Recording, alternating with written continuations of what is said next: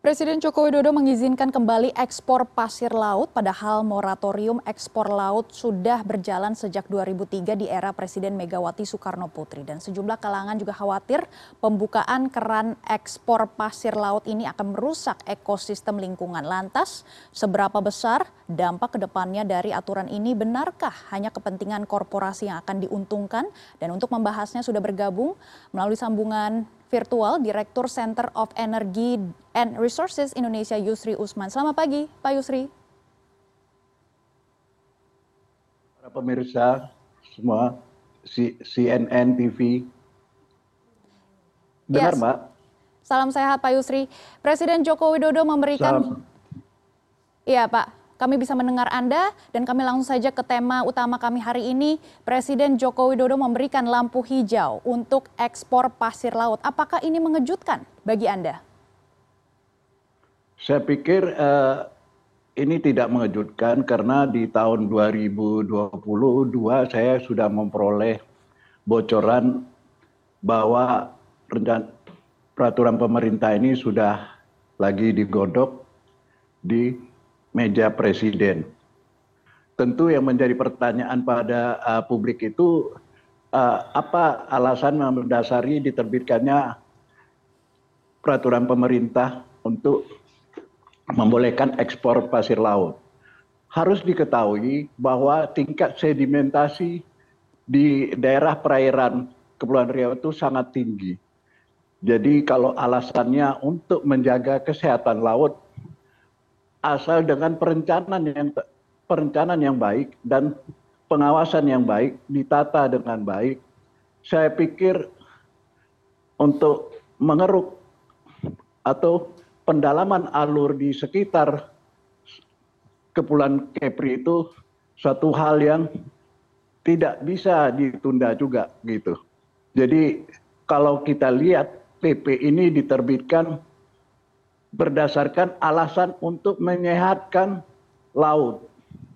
Jadi kalau itu alasannya benar, tidak ada motif di balik lain untuk kepentingan segelintir pengusaha tentu kebijakan ini perlu kita dukung. Saya pikir begitu, Mbak. Baik, Pak Yusri, kita konfirmasi kembali bahwa memang kebijakan ini diperlukan gitu ya untuk menyehatkan laut. Seperti itu, Pak. Iya benar. Salah satu saya lihat pertimbangan diterbitkannya PP itu alasannya ada ada kondisi uh, ada pendangkalan di sekitar laut karena suplai sedimentasi dari erosi dari khususnya Pulau Sumatera dan sekitarnya. Tingkat erosinya sangat tinggi di karena pembukaan lahan di daratan baik itu untuk perkebunan maupun pertambangan jadi kita lebih khawatir kerusakan lingkungan di darat daripada di laut. Saya pikir begitu, Mbak. Baik, Pak Yusri, kita ingin menggali lebih dalam lagi. Kita tahu kebijakan ekspor pasir laut ini sempat dimoratorium sejak tahun 2003 untuk mencegah ya kerusakan lingkungan berupa tenggelamnya ya. pulau kecil khususnya di Kepulauan Riau. Dari pandangan Anda, dengan pembukaan ini apakah pemerintah mengabaikan kekhawatiran ini?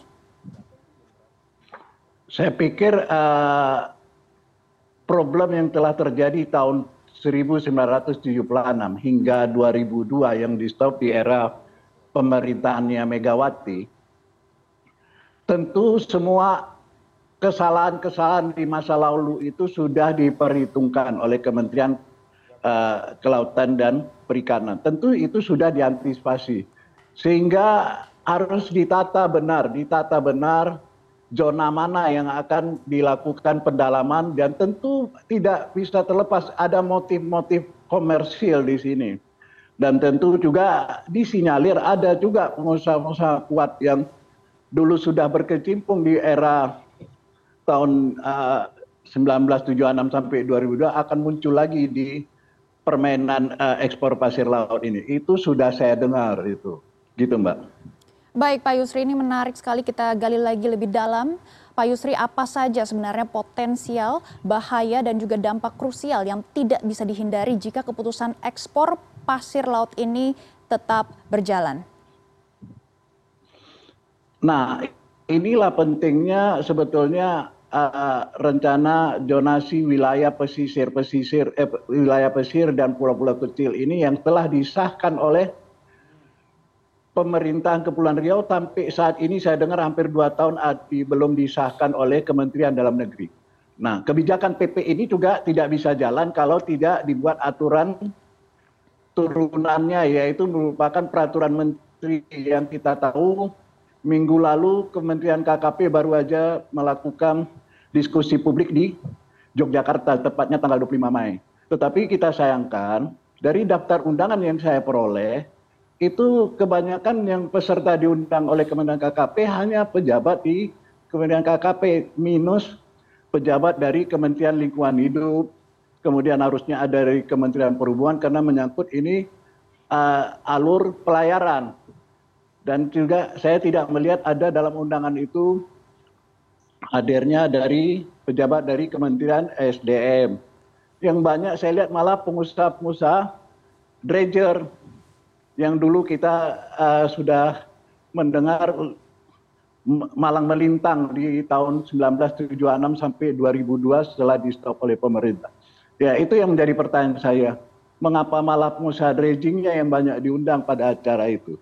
Itu Mbak. Baik Pak Yusri, ini masih banyak peraturan turunan yang harus dilengkapi dan zonasi yang lebih jelas begitu ya. Dan kami juga ya, sudah riset dalam uh, peraturan ini, dalam pasal 9, Jokowi mengatur pasir laut yang sudah dikeruk boleh dimanfaatkan untuk beberapa keperluan. keperluan ya. Ini yang pertama adalah reklamasi di dalam negeri dan yang kedua adalah pembangunan infrastruktur pemerintah dan ketiga adalah pembangunan prasarana oleh pelaku usaha dan yang keempat ini sangat penting ya Pak, ekspor sepanjang kebutuhan dalam ya. negeri terpenuhi dan sesuai dengan ketentuan peraturan perundang-undang. Apakah peraturan yang dicantumkan cukup efektif untuk membatasi batas ekspor pasir laut?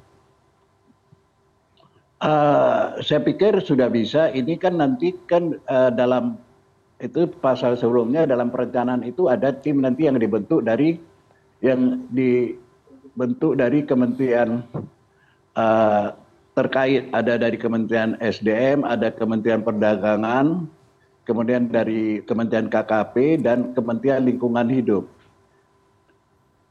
Tim teh tim kaji yang mengkaji setiap rencana penambangan pasir itu tentu bisa akan memberikan rekomendasi bahwa ada pengusaha yang diberikan izin memanfaatkan pasir laut oleh KKP tidak akan bisa mengekspor tanpa ada rekomendasi dari Menteri KKP kepada Dirjen Perdagangan Luar Negeri Kementerian Perdagangan. Karena izin ekspornya ada di Kementerian Perdagangan Republik Indonesia. Gitu Mbak.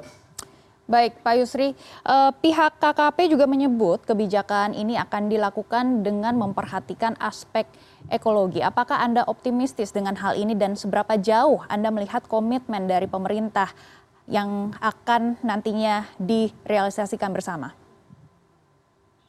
Nah, inilah hal inilah yang menjadi pertanyaan kita dan harusnya menjadi tanggung jawab kita bersama mengawasin apakah apa yang dijanjikan oleh Kementerian Kakap, eh, Kelautan dan Perikanan ini benar dilaksanakan. Karena seperti kita tahu biasanya sebelum di, eh, diizinkan beroperasi, eh, janji-janji manis itu selalu diumbar ke publik. Tapi pada kenyataannya kalau sudah berjalan, hal itu yang diabaikan. Jadi menjadi tanggung jawab kita bersama termasuk media CNN ini harus menyoroti terus mengawasi proses rencana ekspor pasir laut ini. Gitu, Mbak. Baik, Pak Yusri. Terakhir, Pak Yusri, mungkin imbauan dan juga harapan untuk pemerintah?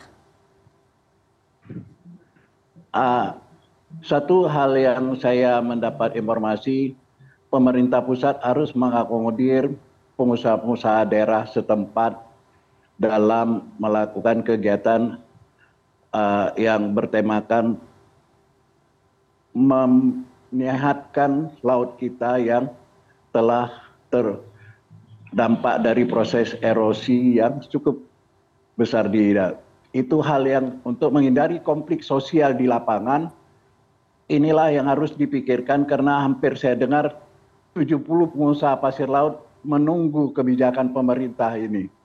Jangan sampai tiba-tiba datang pengusaha besar yang tidak tahu juntungnya menjadi penguasa pasir laut di Kepulauan Riau. Ini yang saya dengar dari informasi di dari pengusaha setempat, gitu Mbak. Baik Pak Yusri, ini menarik ya. Bagaimana strategi untuk mencegah hal itu terjadi Pak? Nah inilah untuk mencegah itu harus ada transparansi.